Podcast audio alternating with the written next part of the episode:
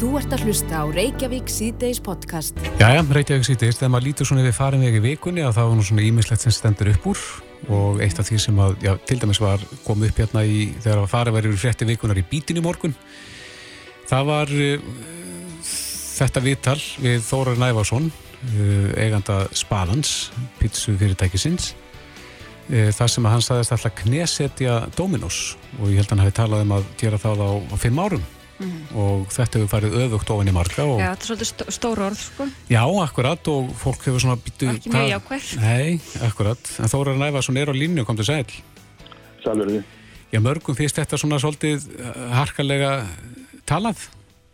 Já, ég get alveg þykir með þetta. Það var svona fullgrótalegt en þetta er sem að í 40 mínúta lunga viðtali þess að maður búið að fara vitt og breytt yfir, yfir pittamarkaðin og ég kallaði þetta viðtölu að þetta byrki bílfest í reynandi í Dominos hafi verið fyrir einhverjum áður mm -hmm. á sama stað í viðtölu og það er að hann tala um að hann vildi bæta við að byrja 5, 6, 7 stöðum við Dominos-netið.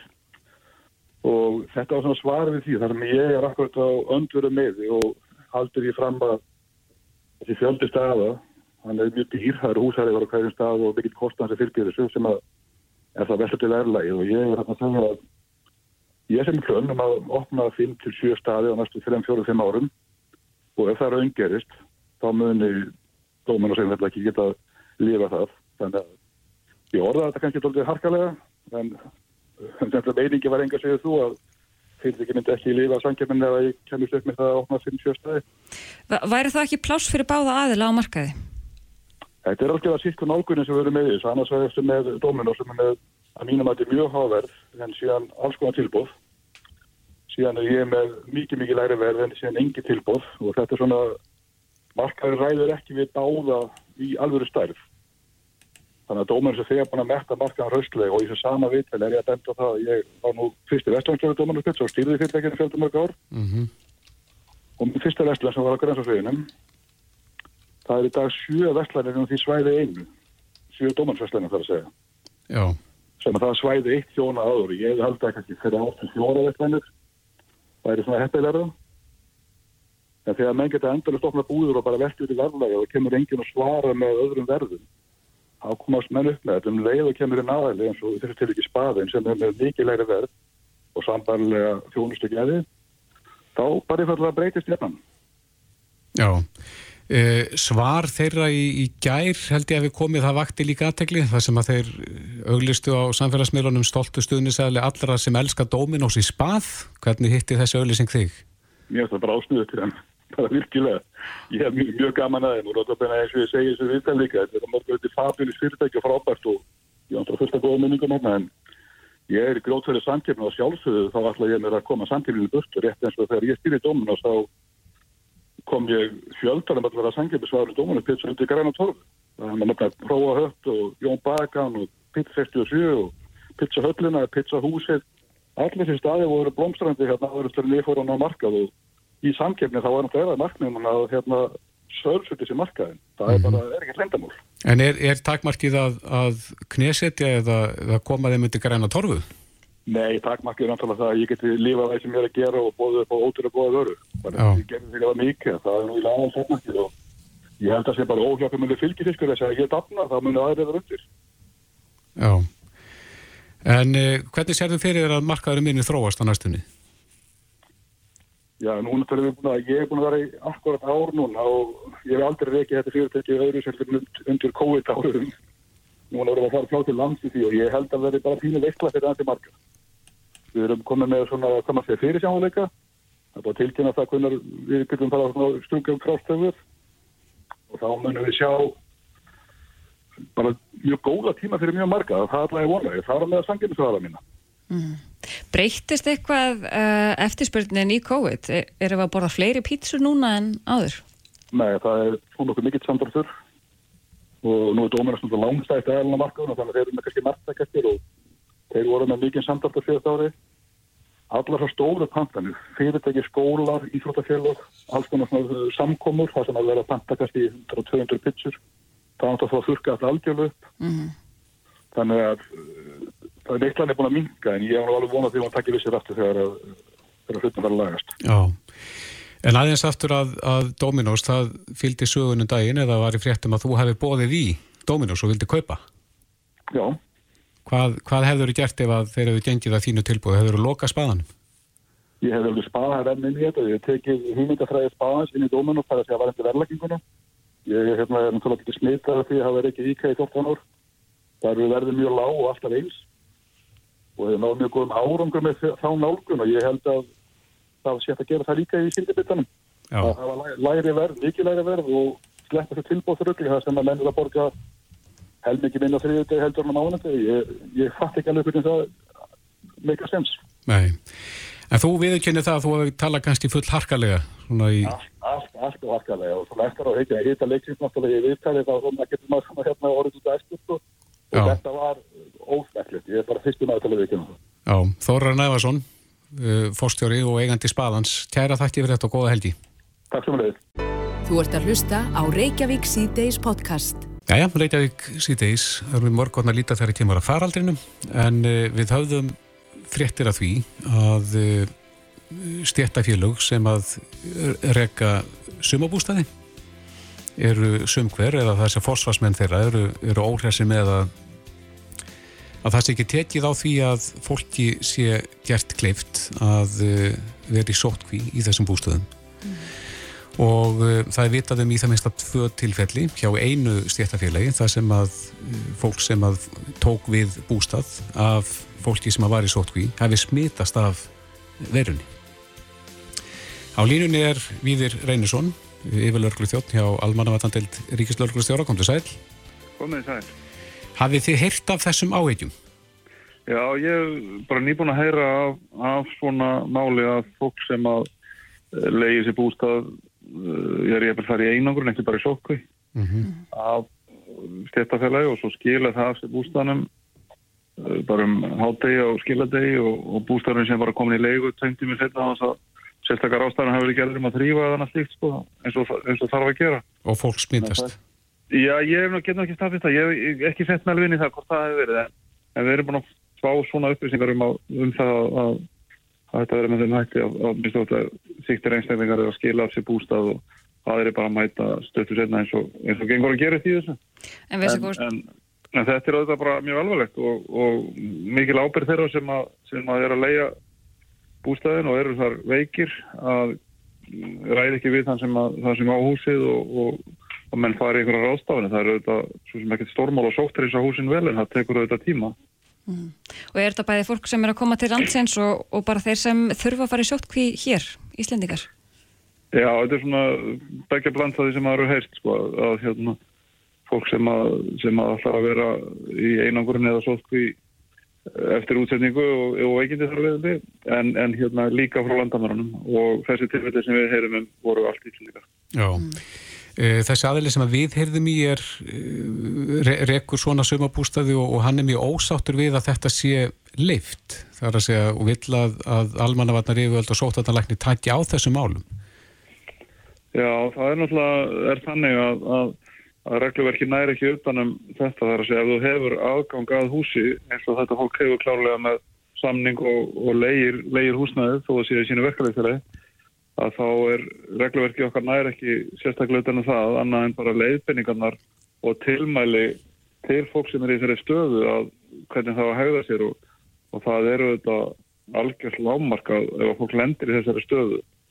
Gefum okkur það að fólk ætli bara að vera í sóttkví í bústað og síðan veikist og er það í eitthvað daga eftir að veikist og síðan síðan þarf að skila bústaðnum og fara einhvern annað í einangurinn að, að það er náttúrulega fráleitt að, að fólk láti ekki vita af þessu þannig að setja að grípa til rástafana eins og ég segi það eru til efni sem, þar sem menn geta sóttir eins og svona á ekki á löngu tíma en, en fólk þarf að vita af því og, og það er náttúrulega lámars e, bara samfélagslega skilda fólks að láta rekstra þessara húsa vita ef að svona er. Mm. En það er erfitt að ná auðvitað um að banna þetta vegna þess að, að það er svona ætlum að, að stoppa í því er þetta snúið. Já, en þannig að fólk sem uh, eftir breytingar áreglum, þeir sem þurfa að fara í sóttvarnar húsið, þeir gætu farið í sumbústað? E, sko ef þeir fengju sem sagt heimild fyrir undan þá frá, frá því að dvelja í sóttvarnarhúsi að, að nú býðum að þetta að sjá endala útast á reglugjör frá ráðunitunum hvernig þetta verður frá með, frá með næstu viku en ef þú, get, ef þú sækir um undanþáu og, og aftur eftir að fá undanþáu frá döl og sóttanarhúsi þá er ekkert sem að bannar þeir að leiða þeir bústað fyrir það og fjölmarki sem hafa gert það En uh, aðeins að tölum dagsins, uh, tíu greindust uh, í gær og allir nema einni í sótkví. Hve- Hvernig sláð þessa tölur ykkur? Já, ef maður getur sagt að þessi jákvæðar þá er það það þetta að það séu svona fáur utan sótkvíðar og, og hérna, þetta er allt saman uh, tölur sem við erum búin að eiga vona og það er þetta fyrir svona, erum með svona stóran hóp í sótkvíð þá má búast við að í einhvern smá tíma á eftir séu tölunar þá sem greinast háar. Og, og hérna vonandi uh, erum við með þessum umfómsmiklu aðgerðum sem við erum búin að vera í síðustu daga í smittræningunni og, og sótkví og, og slíku að, að ná utanum þetta. En en það er ennþá nokkru dagar eftir svona að hættu tímanum í þessu og, og við eigum kannski þrjá fjóra dagar eftir þá við erum svona teljum að hverja og þá komin utan en þetta hópsmitt sem við uppgötum síðustu helgi. En nú bárust fréttir í dag á nýju bresku afbreyði sem er ekki tengt uh, þessu hópsmiti sem við höfum verið að tala um síðastu daga. Uh, Hvernig gengur að reykja það? Gengur bara ágætlega, það er, það er auðvitað uh, endalaus svona undir afbreyð af þessu eins og, eins og kemur ljós í, í þessar aðgræningu, íslenska aðgræninga sem að skipta okkur auðvitað miklu máli og þannig, þannig ná að reykja, reykja fólk saman og það verður ofta þess að, að síðan að smitrækningi sem slík uh, verður skarpari. Þannig að þetta gengur bara ágætlega núna. Já. Er farið að reyna á nýju reglunar á landamærum? Að, Nei, sko lögin voru bara samþendi fyrir nótt og, og, og reglugerð ráþærans uh, er vantilega að koma í byrtingununa í dag, það tala um það dagar á morgun og tekur gildi eftir helgina og, og fanga til að gildistakan er komin þá, þá vinnum við eftir, ennþá, eftir þessari reglugerð þar sem að dölu í sótkvæðhúsinu er, er valkvæð. já. Maður hefur skinnjað svolítið og heyrt frá fólki sem er bara svolítið svona ringlað akkurat á þessum dögum. Breytingar á lögum og svo er ósættið á alþingi og svo er bara komin almenn þreita. Hvað hefur við okkur að segja? Já, það er bara mjög skilinlegt og við vorum eitthvað að fara yfir þetta daginn að frá því að fyrsta reglugerðin var sett að ég síðan búin að breyta og setja reglugerðin 63 sinnum. Og þannig að skilinlegt að fólk verði ringla og sérstaklega undan það er búin að breyta miklu. En hugsið ykkur bara að við erum samt sem áður að sjá þetta skæra ljósandi vendan á göngunum sem eru hvernig, hvernig velgengur í bólusendingum og, og núna er að koma bara fyrir einhverjum 20 myndum þá lendu 16.000 skamtar frá AstraZeneca sem við erum að lána frá normanum og það verður byrjað að bólusetja því næstu viku og það er búið að gefa leiði fyrir Janssen bóluefninu og, og eins og fram með komið áður og þá er Pfizer búin að auka í það sem þeir að koma. Þannig að það er rosalega margt í ákvæmt í þessu og við þurfum bara að, að grípa það sem við eigum eftir að seglu Já. við komum í framhenginguna Einmitt. Og þurfum að halda þetta út Já, rétt aðeins í lokin eitthvað stilabóð svona inn í helgina? Já, það er auðvitað bara, við þurfum að vanda okkur og, og, og fara varlega. Það- Ég veit að það er, það er hérna, það er mikil uppsöfnuð þrá fyrir að sletta hans úr klaufunum. En nú verðum við bara aðeins að, aðeins að þröka. Við erum eftir að bólusetja svolítið fólki viðbóta að við getum fyrir að slaka mikið á og verja okkar, okkar fólk. Við erum ennþá að, að hérna, vinna með þá sem eru með undirlíkjandi sjúkdóma og, og annað slíkt. Þannig við þurfum að ná að klára þann hóp á næstu vikum á þannig að við getum fyrir að horfa okkar tilslaganir og auðvitað höfum við áhyggjur af, af því að það er eitthvað smittan úti sem að við erum að sjá dúka upp þó ekki að við komum eitt í stórt í gæðir. Þannig að bara passum þetta, passum hvort annað, passum fjarlæðir, sprittum, vel og, og verum góðu hvert annað. Já, það er, þetta eru bara góð loka orðið að þér. Við Reynarsson, takk fyrir spjallið og góða helgi. Takk sem að leiðis. Hlustaðu hvena sem er á Reykjavík C-Days podcast. Jæja, Reykjavík síðdeis á bylginni. E, við erum alltaf að finna nýja leiðir til þess að minka umhverfis áhrif e, og e, það nýjasta núna e, og fósettin, eða fyrirverandi, Ólafur Ragnar Grímsson hefur nú sagt að þetta getur orðið einn helsta tekjulind Íslendinga á komandi árum eða ekki. Jú, jú. E, það er að taka koltvísýringin og úr andurslóttinu og, og dæloninir í jörðina. Ekki vitu við kannski meira um þessa tækni en e, hún getur sagt okkur meira frá því. E, Frangotastjóri Carbfix, Edda Sif Pind Aradóttir, kom til sæl. Já, komið í sælir. Já, þetta er, þarna er svona megin þemaði það ekki að taka þennan mengunavald og, og breyta honum í hvað? breytanum í stein eins og, eins, og, eins og jörðin hefur reynda gert sjálf um miljónir ára. já, við erum að flýta Já. því ferli. Já, við þurfum, við þurfum svo heldur betur að hjálpa jörðinni núna. Við, hérna, við erum búin að losa svo mikið út í andrumsloftið á undanförnum áratugum að, að, að hún þarf hjálp. Já, Þannig, að- þannig að hérna, okkar tækni, kartfjökstæknin, hún svo að felur það þá í sér að í staðan fyrir að sleppa koldið út, út í andrumslofti þá, þá er hægt að reynsa það úr útblæstri eða úr andrumslofti og, og okkar tækni dælur því svo ofan í jörðina þar sem það steinrennur í gegnum náttúrulega ferli. en hvernig náum við að fanga þetta efni og, og dæla því niður? Það eru til ólíkar leiði til þess að gera það uh, og fer svo sem eftir því hvaða, hvaða starfsemi það er sem á við hverju sinni. Uh, á hellisegi þar sem að við þróum tæknina, þá í rauninni uh, er þetta svona, þannig sé einföld reysastór sótastrýmvél sem við setjum útblæsturinn í gegnum og við það leysist koldioksiðu og reynda brennstansvetni líka upp í vatninu og þetta er þá það sem við dælum ofan í jörðina, bara sóta vatn Mm uh, og, hérna, og, og svo eiga sér stað uh, kvörf á milli vassins og bergsins og, og það myndast náttúrulega steindir eins og silfurberg. Um, í annars konar starfsemi um, þá er hægt að nota annars konar hreinsunar aðferðir með einhvers konar lífræna vefnum með eitthvað svolítið þannig að það eru ólíka lausni hvað það varðar en okkar tækni er sem sagt það sem kemur í framhaldinu eftir að hreinsun hefur átt sér stað að þá hvernig við dælum koldioksínu niður og það steinrennur. Já, já. Eh, Ólafur Ragnar Grímsson, ef ég hef tekið rétt eftir, hann segir að þetta geti orðið einn helsta tekjulind Íslandíka. Hver- Hvernig er þetta að koma því við? Já, já það, það er, hérna, það var gaman að sjá, hérna, einmitt þessi, þessi orð frá honum í dag og, og við erum svo sannlega sammála þessu. Það er alveg ljóst að það mun á komandi árum og áratögum byggjast upp nýr og stór yðnaður uh, á jörðinni uh, sem snýr að, hérna, svona eins konar lofslagslækningum. Við þurfum að stöðva losun og til viðbúttar við það þá þurfum við að endurheimta mjög stóran hluta því koldíóksið sem er í andrumsloftinu og þar kemur kólefnisförgun við, sem sagt okkar tækni og Ísland liggur sérlega vel við þegar kemur að því að farga varanlega koldíóksið því við eigum svo mikið basalt hér á landi sem bindur koldíóksið hrætt og vel í þessar náttúrulega steindir. Þannig að við erum að byrja núna að taka skref í, í þá átt sem er tilkynntur endarinn mikið aðeins við því að Karpvíks að hefja undirbúning fyrir að byggja upp þetta nýju lokslasvanni starfsemi hér á landi þar sem við erum ekki bara að fanga losun úr innlendri starfsemi og úr andrumslofti heldur líka taka á móti koldíóksiði uh, frá öðrum löndum uh, með fluttningi hinga til lands og við getum þá breytt í líka uh, í stein í íslenskum bergrunni. Og allt þetta þarfur en að fara saman til þess að vega möguleika á að, að mæta markmiðum Parísasamlingsins. Eh, Þar svona stað sem er mikið plás og er hægt að gera þetta hvar sem er á landinu? Þetta þarf nú ekkert rosalega mikið plássa þeir eru þetta eftir því hvað það mikið, hvað á að farga miklu. Það sem þarf til eru þá fyrst og fremst niðurdelingarhólur uh, og, og hérna og já, Ísland er meira að minna allt, allt gert úr basalti þannig að það er eiginlega erfitt að finna stað þar sem að, þar sem að er, er, er ekki heppilegt að dæla niður. En það er samt þannig að þeim mun yngra sem basaltið er, uh, þeim mun, þeim mun hraðar að gerast förfinn.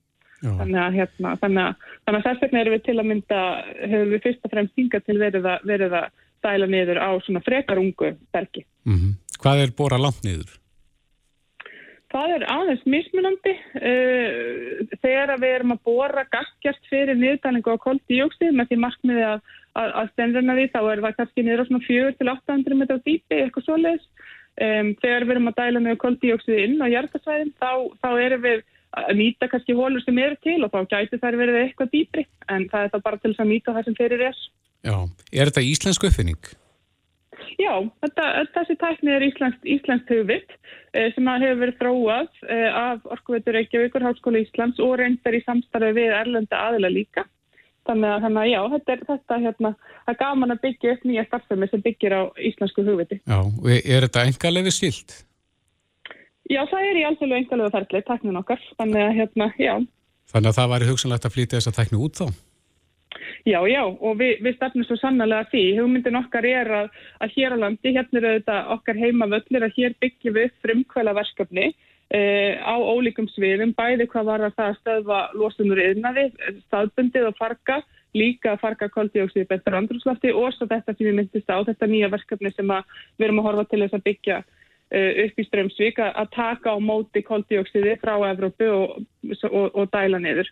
Uh, og í kjölfar þess að þessi frumkvöla verkefni verða byggðið upp hérlandi þá hug, hugum við auðvitað að því og, og stefnum að því að að, að aðrir víða um heim geti nýtt sér tæknina og það fengið afnót af, af okkar hugverkum Mhm. uh, og það er enda bara mjög mikill áhugi uh, víða um heim en það veitir svo sem ekki af og, og basalt er eina af algengustu bergtegundum jarðarinnar þannig að tækifærin eru gríðarlega mikil ekki bara hér á landi, heldur líka á heimsvísi. Já, það er nú verið talað um það svona í kjölfar þessar, þessar kóraveiru faraldus að við þurfum að fjölga ættjónum í korfunni. Já, e, eru þið búin að setja upp í Excel hvað þetta getur gefið í aðra hönd?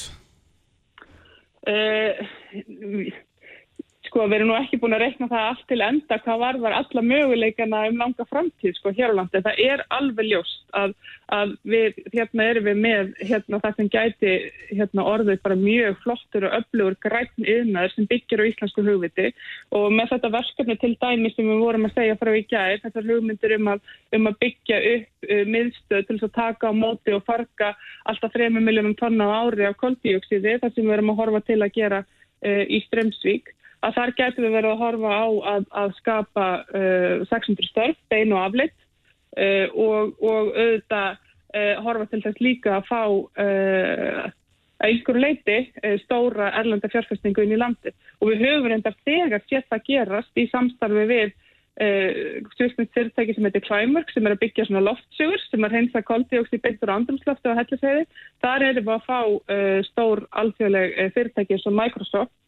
til þess að fjárfesta beint í loftslagsvænum lausnum hér á landi. Og það er auðvitað gríðarlega mikilvægt fyrir, fyrir, fyrir þjóðabúið. Og, fjölgar svo sannlega ekkjanum í korfinni. Já, þetta hljómar eins og vísindaskálsa að, að menn að fara að fanga mengun í Evrópu, flytja hana til Íslands og, og breyti inn í stein. Já, það hljóma kannski þannig, en það, hún, þetta er alls ekki vísindaskaldskapur. Öll þessi tækni er til uh, og, og, hérna, og við höfum verið að beita karpiksteknin á hellingsæði frá, frá 2014 uh, samfelt bara og höfum dælt niður 100 tonnum. Þannig að þetta er allt, allt tækni sem er til og er sannreint. Þannig að, þannig að þetta er engin vísindaskaldskapur. Við erum bara kannski ekki eins, ekki eins vön þessum flutningum eins og annars konar flutningum sem eru nú þegar hluti af uh, atvinnulífinu. Mm Hvernig stein verður til úr þessu? Var þetta að nýta hann í eitthvað? Markmið með því að búa til steinin og hann verður auðvitað til á dýpi neðarvar er bara fyrst og fremst að, farga koldíoksíði, að koma því úr umferð en það er það að valda okkur þessari gríðarlega alvarlegu loftklagsvá. Uh, og steinarnir sem myndast þetta eru þessi náttúrulegu steinar sem við finnum svo víða í íslensku bergi, kalsít og silfurberg. Uh, þannig, að, þannig að eins og ég segi, við erum nú ekki að sjá fyrir okkur að, að þeir verði nýttir í annað en að leysa loftslagsvandan. Mm, akkurat. Edda Sif Pind Aradóttir, til hamingi með þetta. Þú ert frangvæntastjóri Carfix. Gangi ykkur vel. Takk fyrir. Reykjavík síðdeis á bylginni. Jæja, Reykjavík síðdeis, við heyrum alltaf annars slægið af tilraunum svindlara til að hafa fyrir af fólki og og það verðist færast í aukana bara já, stundum texta og þetta er oft svolítið vel útfært. Það er að segja, nú hefur verið að tröllir í það hérna, einhverjir póstar sem eru svona í búning DHL að fólk eigi vona að pakka. Og uh, þú lendi nú, er það ekki í fegst þennan póst? Jú, ég fekk hennar post og mér er svolítið vandrarlegt að segja frá þessu. Menna, maður hefur fengið alls konar svika posta í gegnum tíðina. Já, en í þessu tilfelli það átti ég von á sendingu. Mhm. og fæði þetta snemma að morgni og Ertu ekki alveg vöknuð? Eh, Ég, ég segi það, ég var ekki alveg vöknuð uh, og ég beðin um að fara inn einhverja slóð og þar er DHL síða já, og mér fannst þetta eitthvað sendt á skringilegum tíma þannig að ég aðtugaði með því að fara inn á bara dhl.com og ég þá leiti þetta bara alveg eins út já. þannig að ég tristi þessu og bara spennt að fá pakkan Mhm. og slæ öllu inn Og hvaða upplýsingar báðu er um? Eh, þeir báðu um kostanúmerið mitt Já. og svo uh, öryggiskóðan sem sagt, Gildist tíman á allt það? gildistíman bara Mhm. eins og maður er að panta og all- allar upplýsingar sem ég gat gefið Já, en sem betur fyrir þá var ég greinlega of sein að svara og því ég átti að fá staðfestingar uh, kóða mhm, í SMS-i og SMS-i barst aldrei. Já, þannig að þetta fór ekki í gegn ég hringdi í Valitor mitt og hérna tekkaði á þessu. Mhm. en þau sagði mér að ég þyrfti að loka kortinu þar sem þið væri núna með allar upplýsingar já en þú mér. hringtir í Valitor uh, af því að þú áttar að þetta væri sveikapóstur eða... Já, ég fekk eitthvað á tilfinninguna og fór inn á DHL síðuna og undir svik. Já, og það er mitt stóð að þið fáið SMS með slóð sem byrjar á minnar þessi bit mhm, að þá, þá er þetta svik. Já. Reynir Bjarni Egilson, deildastjóri hjá Valitor, er á línunni, komdu sæl. Jú, góðan daginn. Þú heyri vantarlega fullt af svona sögum. Já, undanfæri vika er búin að vera hérna daldi, já, mikill fókus á þetta því að það kom þarna byrgja eða árás Mm núna undan þetta daga, þannig að, jú, við erum búin að sjá þetta og þetta er búin að vera svona hann er nátt aldrei í vetur, satt að segja. Já, hverjir er að fá svona? Er, er þetta bara, er þetta einhverjir eða er eitthvað sammert með þeim sem er að fá þessa pósta? Þetta verðist bara vera einhverjir, þeir senda þetta bara á þúsundum manns og eins og Hugrún sagði þá hérna uh, eru einhverjir sem er að vona að pakka og þá bregast þeir oft við, Já, þeir henda út Og- svona svolítið stóru neti.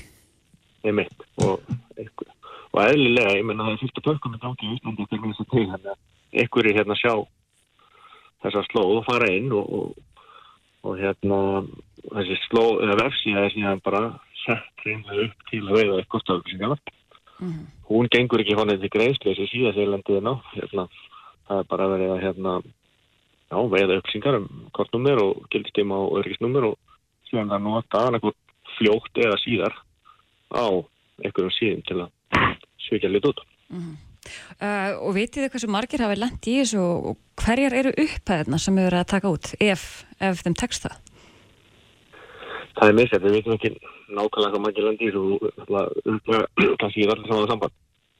En með uppbæðina þá, eins og við segjum bara í fjartilgjum gerð, þá er þetta 10.000 og upp í kannski 100-200.000. Þetta er oft mjög nála 1.000 eurum. Því 1.200 eurur virðist vera svona algengt sem við verðum að byggja þeim. En tengt í það langar mig ábúslega mikið að minna þetta og bara byrð alla sem að hlusta að taka eftir þessu að hérna. Þegar þetta er slegið og síðan fáið þetta þremundu setna SMS með staðfættingakúða. Í því SMS stendur ef þetta kemur, segjum að þetta kemur frá einhverjum löglegum aðeins, þá kemur bara vist gjaldmiðli íslenska krónur og uppæðin sem bara finnum úr skap og nafnið á svöluðanum. Í þessum póstið þetta er farið gegn svona alla leið og komið frá ellendu svikaðala, þá kemur í þessu SMS-i kannski 1200 eurur frá einhvern sögulegala sem það aldrei heilt um Já, það þarf að lesa. Ekki. Já, það er að lesa þetta SMS óbúslega vel. Það það stendur í upphæðu á ennsku. Vinsalega skoðið sem er þetta fyrir neðan. Það kemur nefnilega gjaldmið, upphæð og kaupmaður Mhm. og ef, ef það búist við að borga 1990 hjá DHL, ekki samþykja 1200 eurur hjá einhverjum eitthvað starf. það er bara svo oft sem maður er að flýta sér maður horfur það- lesa ekkert allan textan sko. Emi, það er einfallegin í því sem þú hættulegur. Þetta er allt annað en að skrifa nafnir sitt á pappir að skrifa undir, en í raun og verið eftir að skrifa undir með það góða. Já. Hann er settur inn í öryggiskinni. en ef maður uh, ef það tekið af manni peningur er þetta sjálfsábyrð eða getur maður fengið þetta tilbaka Í flestum tilfellum, þegar þú að fá hann eða góða, þá er mjög örygg að hafa þetta tilbaka. Eins og segja, það er eiginlega undirskrift. Þannig að það er það að það. Já, þetta er svona síðasta uh, víið í vörninni, það er, það er þessi kóði. Já, þetta er bæði til að verða kaupmannin og kortáan sem einhvers konar undirskrift, það hétir, já, einfalt ferðlu, það er bara verið að gera þetta allt bara í símum hratt Mm og þá hérna er líklega þau fallið gildurinn en hérna þess vegna er svo mikilvægt að slá ekki kóðan nema að sé pottgetar upplýsingar og rétt upphæð. En þarf að loka kortinu eftir þetta eða, eða getur kortið virkað áfram af því að það þarf alltaf þennan staðfestingakóða? Ef það er búin að slá inn á síðuna sem að kemur fyrst, Mhm. þá lokuðu kortum engung af því að þá er mjög líklegt að þessir sugarapari séu búin að ná upplýsingum kortum og getur notaðu setna. Þá er engin fæsla að það fari inn í það skipti. En ná, náið að stoppa þá, sem sagt, ef að það brugðist strax við, er þá hægt að koma í vekk fyrir frekara tjón með því að, að loka og tilkynna til ykkar? Já, tala við okkur og bankana og hérna bara sérst, bankarnir eru á sínum dagunum tíma og við kvöldu helgar og ég minna ábæða báðastjóri sjálfur og hérna bara hafa samband síðan fyrst ef eitthvað gerist því að við viljum náttúrulega stoppa og því, því þeir sem þetta lokallum hurðum í þessu þá, þá er líklega ekkert verið gegn. Mm -hmm. En núna er þetta rosalega fullkomið. Er erfitt að stöðva þetta? Nú er þetta búið að vera svona koma í bylgjum í daggóðan tíma eins og þetta með DHL. Já, það er dálítið erfitt að stöða þetta út af hvernig þetta er sett fram. Það er verið að spila enna á fólki í vona pakka og gangi frá þessu bara hratt og örleginn síma sín.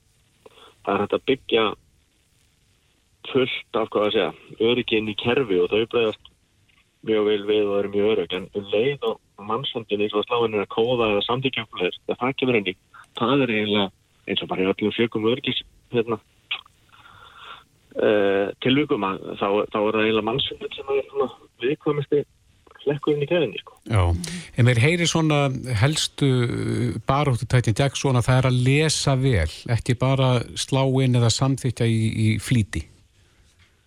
Það er aðladrið, sérstaklega með að staða þessu fæslu, þá þú ert í miklu, miklu betri máli með að staða ekki staðið ekki það. Já, akkurat. Já, höfum þetta í huga. Uh, Reynir Bjarni Egilson, deildastjóri hjá Valitor, kæra þakki fyrir spjalli og góða helgi. Já, takk svo leiðis, góða helgi. Góða helgi. Þetta er Reykjavík C-Days podcast. Reykjavík C-Days á bylginni. Það hefur alltaf farið fram í nokkru manni að rafbílum hefur fjölgað mikið á, á göttunum og það hefur líka komið fram í umræðinni að eldur sem að kemur upp í rafbílum getur verið ill viðræðanlegur en uh, það er komið á markaðin teppi sem að uh, getur slögt í þessum eldum á skemmri tíma heldur en gengur og gerist. Á línunni er Dagni Guðmustóttir, frangatastjóri Ólafs Gíslassonar og Kó. Komdu sæl. Já, sæl. E, segð okkur aðeins af þessu, þessu teppi. Já, þessu teppi er að það sem hún sagði ráðan, þá er þessi eldur í rafbílum, hann er mun hættulegri heldur en annar eldur. Já. En þetta teppi þetta sleppur líka bara í öllum eldum í bílum. En það sem þetta ætti að vera til í er í bara öllum bílageimslum mm -hmm. og alls það sem bílar eru og bensinstöðum, bátum, ferjum og öllu þess að það. Mm -hmm. Og mjög einfalt í nótkunn, þetta kemur í svona handtægum bakpoka. Já, já. Svo það er að taka þetta með sér, taka þetta úr það sem þetta er hengt upp á vegg í bílagenslum og það, þú veist, skellt þessu á bakið og lappa með þetta að bílum. Er þetta stórt teppi? Þetta þarf vantarlega að fara hilja allan bílinn? Já, þetta er risastór. Þetta nær alveg yfir allan bílinn og niður fyrir þetta kæfir alveg eldin. Ástöftun tíma? Já, bara um leið og setur hann yfir lokar, þá nær þetta bara innan við 15 sekundur og þá kæfir eldin. Já, já. En eins og segir, þetta er ekkert bara fyrir rafbíla, þetta er vantarlega fyrir bara alla, alla bifriðar? Já, bara þetta er fyrir alla bifriðar sem að kemur eldur upp í og þá flýtir þetta fyrir að slökkva eldin og líka bara áður en að meðan að slökkulega er að koma á staðinn þá get, getur þeir, er tveir einstaklingar þá geta það sett teppið yfir bara til að líka hindra alla mengun og all önnur slið sem verða út frá bílunum. Mm. Þetta er alveg tveitja manna takk? Já, það verður það tveir. Ah. sem halda til að lappa syngur megin, það er svona leður ólar á endanum á syngur mendanum svo dragaði teppið yfir bílinn. Mm -hmm og þá, er, þá kapnar hann. Já, er þetta komið í sölu á Íslandi? Já, þetta er komið, þetta er komið í nokkuð marg, marga hérna bílagemslur og í göng líka í söðurum landið. Hvað kostar stikkið? Herðu, svona í, fyrir fjölbílishús er þetta kostað um 250.000 í töskunni og allir. Já, já. En er þetta eitthvað sem er ætlað til þess að vera bara í skottinu á rafbílnum eða... Nei, þetta er ætlað í, hérna, í bílakjallarana. Já. og er svona á bensinstöðvar og alls það sem að bílar eru, bæðir af bílar og vennilegu bílar. Mm -hmm. og en svo eru við með svona lithium slökkvitæki bara svona lítil til að hafa í bílunum. Að því teppi tekur talsveit pláss og það myndi að taka upp talsveit hluta af skottinniðinu svo að að það er miklu hendur og þá að vera með lítil slökkvitæki sem er sér gert fyrir lithium elda að það haga sér allt öðru vísi. Lithium eldur þarf ekki súrafni svo er miklu erfiðar að slökkva í honum heldur en velji um eldi. Já, já, hvað kemur út úr þessu slökkutæki? Er það duft það eða? Kemur, það kemur svona, já, kemur svona duft sem að þekur hlutin. Svo fyrir að kæfa til að hindra já, til að halda að komst ekkert súrafni að hlutin þá næra það að hérna, kæfan. Er þetta teppi sem við tölum um hérna á en er þetta ætla slökkviliði líka? Já, slökkulegið, það er flest öll slökkurinn á landinu komin með svona dekk í bílan hjá sér og það er sem sagt, þeir sem er að slökkaða með þessu líka upp á umhverfisjónamið. Það er miklu miklu minni mengun að slökka með þessu teppi heldur en að slökka með vatni eða dufti. Já, já. Hvað er þetta nálgast nánar upplýsingar um þetta? Það er ná og er.is Já. Það er bara fullt af upplýsingum um, um tepping. Já. Dæni Guðmundsdóttir, frangværtastjóri Ólafs Gíslasonar og Kó. Kæra þætti fyrir þetta. Takk fyrir. Reykjavík síðdeis á Bilginni podcast. Jæja, Reykjavík síðdeis. Það var maður, hann Ari, sem var hringt inn í símatími í gæru og var að uh, tala um gerfuglinn. Mm -hmm. En uh, geirfuglsmáli fyrir þá sem ekki munna að þetta var landsöfnun sem fór fram snem árs 1971 til að sapna fyrir kaupum og uppstoppum geirfugli sem hafa bóðun upp hjá Sotheby's uppbóðsfyrirtækin í London og það var Valdimar Jóhannesson þá bladamadur og síðar lögmadur hann var forgungumadur þessara söfnunar og það söfnuðust um 2 miljónir króna fuglin var bóðun upp rétt fyrir klukkan 1, 15. 4. mars 1971 og fjallan Íslendingum í skaut fyrir 9.000 sterlingsbund eftir snarpa senu við fullrótu pont ættarinnar. Mm -hmm. Og þetta var gríðalegt verð fyrir slíkan grip, líklega heimsmet á þeim tíma, en fyrir eigandi fugglsins var Raben Levatsá, eh, barón. Og ég held meira að segja, sko, fyrir þennan pening mátti fá alveg góða íbúð Já. á þessum tíma. Akkurat. En heyrim aðeins það sem að Ari hafði að segja hérna í þættinum í gerð. Erðu, þið munið eftir gerðfuglinum þau eru kannski ekki nógu gömul en það er sjóðin sapnaði fyrir síðasta fugglinu sem er til á jörðinni Jú, jú, það er næsta því og hvað er hann? Já. Hann er ekki til að sapni, hann er komin í geimslu Já Því að sapnið er ekki til Já, sapnið er ekki til, segir hann og spurningin er þá bara hvað er gerðfuglin? Já, hver er hann? Og við erum með mann á línu sem getur vantalega að svara þessari stóru spurningu og það er Hilmar Malmqvist, fórstuðumæður Náttúruminjasaps Íslands. Góðan daginn. Já, góðan dag. Svo við bara vindum okkur strax að efninu. Hvar er gerfuglin? gerfuglin er í, í góðri vörslu hjá sýstu stofnum Náttúruminjasapsins. Það er Náttúruminjastofnun Íslands sem er til húsa í Garabænum.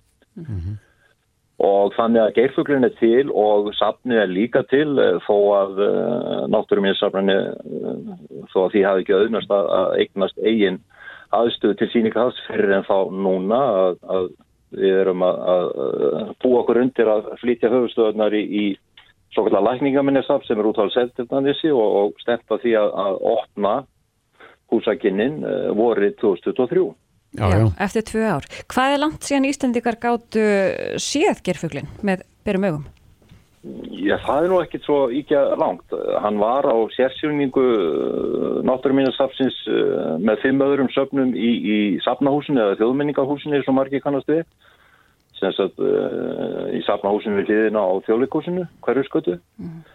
Þar vorum við með sérsýningu um geirfuglin uh, ásand Ólufur Nordal, hún, hún útbjóð síninguna með okkur og hún stóð upp í eitt ár frá, frá voru 2016 fram á voru 2017. Þar áður vorum við með hann í heilt ár á síningu í sama húsi, bara undir öðru kringustæði, minna herbergi, á svo kallari kjörgripasíningu. Þetta er náttúrulega einna helstu kjörgripum þjóðarinnar með náttúrumina, geirfuglin. Og hefur svona tilfinningulegt gildi það sem landsmenn söpnuði fyrir honum? Já, hann hefur margvíslegt gildi þessi einstakki gripur uh, fyrir utan þetta sem hún nefnir sko að þjóðin tók höndum saman og, og fjármönnum safna til þess að eignast hann á uppbóðin í, í, í London en svo er það bara þetta mikla gildi sem, sem fugglin hefur í, í sambandi við sko náttúru og, og umgengni manna við náttúru og svo framvegis. Mm -hmm. En kom síðan ekki ljósa að þetta var ekkert eini uppstoppaði fugglin?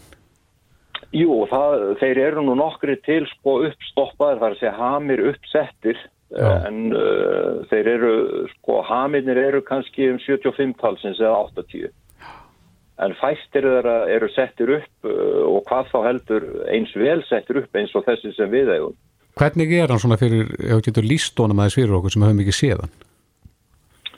Já. Uh, er hann með vangina úti eða? Hann er með afskaplega stuttarlega vangi, hann er með, með stubba og hann var óflegur. Já, akkurat. Svona líkar í mörgjæs? Já, að vissu leiti, kannski svona stærðin, en þetta var hérna, bísna stór fugl sko og, og stóð svona uppbreystur eins og, eins og sjófuglaði síður, hann, hann stóð semst upp á afturlöpunum Mm -hmm. og, uh, og hérna var svona mjög tegnarlegur og, og við getum sagt að, að hann hafi verið svona aðeins álkulegur. Þeir sem uh, þekkja álkuna, hann er nú einn að skildastur álkunni sko uh, hvað var þar erðafræðina uh, álkan hefur líka já, hún er svona svipuð að sköpulægi og, og, og, litar fara einni en, en, en gerfuglin hann skar sér líka út sko með hvita bletti í kringum augun. Mm -hmm. En uh, hann hefur hérna, kjagað um og ekki geta tekið sér til, til, til hérna, flugs. En uh, mjög góður uh, sjófugl og, og, og, og sundfugl. Já, en þú segir að þið eh, stefnið á að opna nýtt safn hvað 2023 hvað, hvað verður til sínis á þessu safni?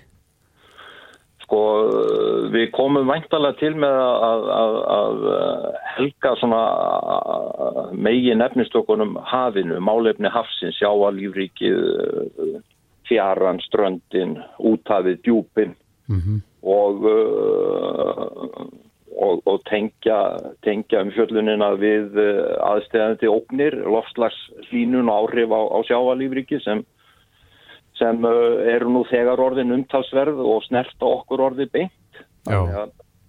Þetta er náttúrulega eitt af megin hlutverkum safsins, það er að, það er að miðla upplýsingum og, og fræða um, um náttúruna og umgengni okkar við hana og hvernig best fer- á að eiga við hana. Já, nú erum við orðin svo vön svona flottum söfnum, bara eins og þetta gerist flottast í útlöndum, er, er verður vel í lagt þarna?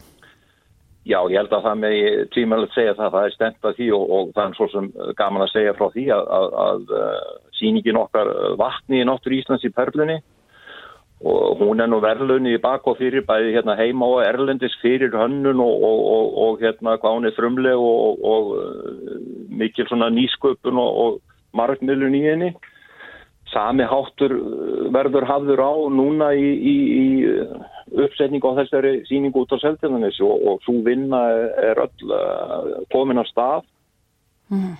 og er heilmikið verkefni. Og eru margir munir sem eru bara svona eins og fágæðir eins og gerfuglinn sem verður þessari síningu? Uh, Það er uh, þó nokkuð af, af sambærilegum munum sem við getum svona kallað svona hefðbundna náttúrugripi og náttúruminjar. Það er að segja uh, þetta eru afar fágætt eintök eins og gerfugl og, og, uh, og útöði íslenski rostungstöfnin Uh, jafnvel tekst okkur að, að fá til landsins mjög fágæta beinagrind Íslandsjálfbak sem er í kjallara í Zoológismúsiðum í Kaupmannahöfn. Danir, uh, þeir, þeir urðu sér út um, um, um uh, já, sennilega síðustu tvö eintökin sem voru veitt hérna af þessari tegund við Ísland. Það var reynda normenn sem veittu þá en þeir, þeir hyrtu beinagrindurnar og, og þær eru búin að vera í, í, í, köpen síðan 1891 og 1904 eða, eða cirka það þegar þessi síðustu tveira tegundinni held ég fari rétt með og voru bara yfir höfuð veittir. Mm. En þetta er tegund sko sem var algeng við umhverfis Ísland en er núna í út, mikil útrýmingarhættu og, og uh, það væri bara mikil akkur af því fyrir þjóðin að fá að það væna annað eintæki af þessum tveimur sem eru út í köpinn hingað til lands. Algjörlega.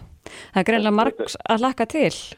Já, fyrir utan náttúrulega sko allt þetta sem, sem uh, hérna, allt, allt þetta mikla sem við höfum frá að segja sko um, um náttúrulandsins og, og, og kvílir á mjög góðum rannsóknum og þekkingagrunni hérna heima að þetta snýst svo líka bara mikið um, um sko hérna frjóa huga og, og, og, og nýsköpum við að setja efnið fram. Mm. En svona rétt í lokin, eru margir sem er að spyrja um gerfuglinn? Það er alltaf spurt um það og ekki síst sko fyrir utan landsteinana. Já, þannig að þetta gæti líka verið tækifæri bara í ferðarþjónustunni. Já, alveg tvímalalust og ég tala ekki um líka sko kvalinn sko, þetta eru svona bæði gerfuglin og, og, og þessar fágættu kvalategundur, þetta eru tákgerfingar fyrir svo margt sem, sem fólki er mjög umhugað um og, og hefur bara fá tækifæri til að sjá. Þetta eru mjög góða fréttir. Já, mér langar að bæta við hérna með, með, með stýningar, efnistöki síningun okkur hérna út frá Já. að uh, þá stendur líka til sko að vera með lifandi kvikindi í sjóbúrum. Já, já, já. Já. Þannig að það er tími til komin að bjóða þjóðinu og gestur landsins upp á slíkt ekki bara þessa flottu stýningu í, í eigum. Þetta verður svona sætirasafl í leiðinni. Já, svona á, á, á einhvern nátt já, maður segja. Já. Það verður gaman að sjá, 2023 segiru, þá getur við borið þetta augum. Takk að kella fyrir Hilmar Malkvist, forstöðum aður Náttúru Minjasaps Íslands og gangi ykkur vel. Já, sjálfsagt takk fyrir sem byrðis. Reykjavík síðdeis á Bilginni podcast. Reykjavík síðdeis heldur áfram. Uh, gaman að hugsa tilbaka, við erum búin að hugsa svo mikið um tölur að undarfærnu. Já. Fyrst voru það COVID-tölunar Mhm. og svo komið jarðskjáltar, Já. svo kannski aðeins aftur COVID, en nú er það hýtatölunar. Já. Og ég var aðeins að fletta upp hérna á veði.is Mhm. og mér sínist vera tíu stega hýti á löðudaginn. Já, tekjast af að tala. Tveggjast að tala. Já, já, það er gott. Það hljómar vel. Já, það ekki. Jú. Reyndar smá regning en Já, allt upp á við. allt upp á við. En uh, það kannski rýmar vel við plokkdægin uh, af því að það er verið að hvetja fólk til þess að vera úti við og Mhm. hreinsa sitt nánasta umhverfi. Já, og það hefur hann örlegur Sigurjónsson gert og hann er á línunni, hann er leiðsögumæður og plokkari með meiru. Góðan daginn. Já, góðan daginn. Einhver kallaði þig, uh, hvað hva var það? Grímugómari. Grí, grímugómari. Grímugómari, já. Já, ég byrjaði að góma grímur hérna í desember, mér til ánægjum og vonandi öðrum líka vegna þess að þetta farið að fara mjög í döðunar á mér að sjá þessar grímur fastar í runnum og, og niðurföllum hér og þar í mínu nærum hverfi og fór að týna þetta. Mm Hvar hefur verið að grípa þessa grímur? bara alls það, sko. Ég byrjaði á minn eigin göttu og var helviti ánæði þegar ég var komin upp í 30 grímur og svo sá ég að það þurfti að fara aftur og dýndi 30 viðbót og svo leiti eitt af öðru og ég var komin upp í 100 áður en að, áður en að janúar var liðin og svo leiti eitt af öðru og nú er ég komin upp í 4632. Já, sæl, takk fyrir. Já, ég segi það, takk fyrir, fyrir að henda okkur allra. Þetta er einmitt svona rusl sem fólk er ekkit beint að grípa í, svona á förnum. Er oft sem maður finnur rusl og bara hendi í ruslaturuna, maður lætur þetta vera. Já, já, en ef að fólk notar til dæmis hérna, ef að það er að fara út í plokkdægina morgun og hérna sér grímur að þá má alveg rífa þær úr runnum sko ef að, ef að notuðu plokktöngu og þú bara nota þína hanska Mhm. og það geta snerta grímur og, og ég hef gert þetta vel þannig að ég er á hjóli og hérna gríp nokkra grímur í sagt, svona plokktöng og hjóla bara að mesta græna rusladalli og treð í þar óni sko. Já, já. Og telur þetta samvisku samlega? Já, já. Og í borginni þar sem að er svona ekkert allt og langt á milli svona rusladalla, þá er þetta vel gerlegt. Sko. Þannig ég er ekki þvælast með póka og jólasveinast hérna, hérna út um allt sko með hérna grímurnar sko. Nei. Það er losast þið bara við þetta strax og það er engin svona frekari kynning og viðkynning við, við þær Mhm. eins og ennlegt er. Uh, runnarnir taka mikið, af- mikið af grímum, en nú hefur þú verið á kajak að plokka. Hefur eitthvað séð grímurnar út á sjó? Nei, nei, þetta fer aðalega í runnana svona, við bílastæði hjá Vestlandkjörnum og svo framvegs og framvegs. Mhm. Bara eins og annar rull í svolítið. Já, hvernig heldur þetta endi hérna út í náttúrunni? Eru, eru við að missa þetta úr vösunum og svo fíkur þetta? Já, eina barðan var nú með ágættis kenningu sem að ég hérna, stýði alveg heilsugar. Hann svona setur upp þessa sviðsmynda þegar við erum að fara út úr bílunum okkar og, og kannski eru dýr opnaðar hérna á báðum hliðum að, og kemur hressileg vindkviða þá fjúka kannski það er á grímur óvart út og eins þegar hérna við erum að tegja okkur í líklega síma og þá kannski kemur einn gríma upp í kippinu og þeir sleppur frá okkur og svo framvegis. Já, þannig að þetta er ekki, ekki hreinræktað sóðaskapur endilega. Nei, ég nefnilega held að fólk sé ekki að henda frá sig grími. Þetta er alltaf óhafa tilvík, sko. Ég væri búin að sjá það ef að fólk væri að henda frá sig grímum. Ég hef ekki fólk henda frá sig síkjörðustupum og svo framvegis. Það var hann bara síðast í, í, í dag og en þetta með grímutar, þetta er óhafa tilvík. í 98% tilvika sko. Við vorum að tala um það hérna áðan að það er, að það eru nokkur regningadrópar á morgun. Er það eitthvað verra að plokka í regningu? Eh, Mér finnst það ekki. Það er kannski dempar aðeins rík sem að getur hérna gósið upp af runnagróðri eftir svifriks vetur og svo framvegis. Þannig að mér finnst bara fínt að vera í mildu veðri, ekki of kvössu og, og hérna, helst bara í góðri svona reytbindingu. Já, þannig að það er að vera til plokks á morgun. Ég myndi alltaf það. Já, en grímurnar sem að þú hefur gripið, 4632, þetta er bara virkilega vel gert og við hvetjum náttúrulega til að plokka morgun sem að vellingi geta valdið.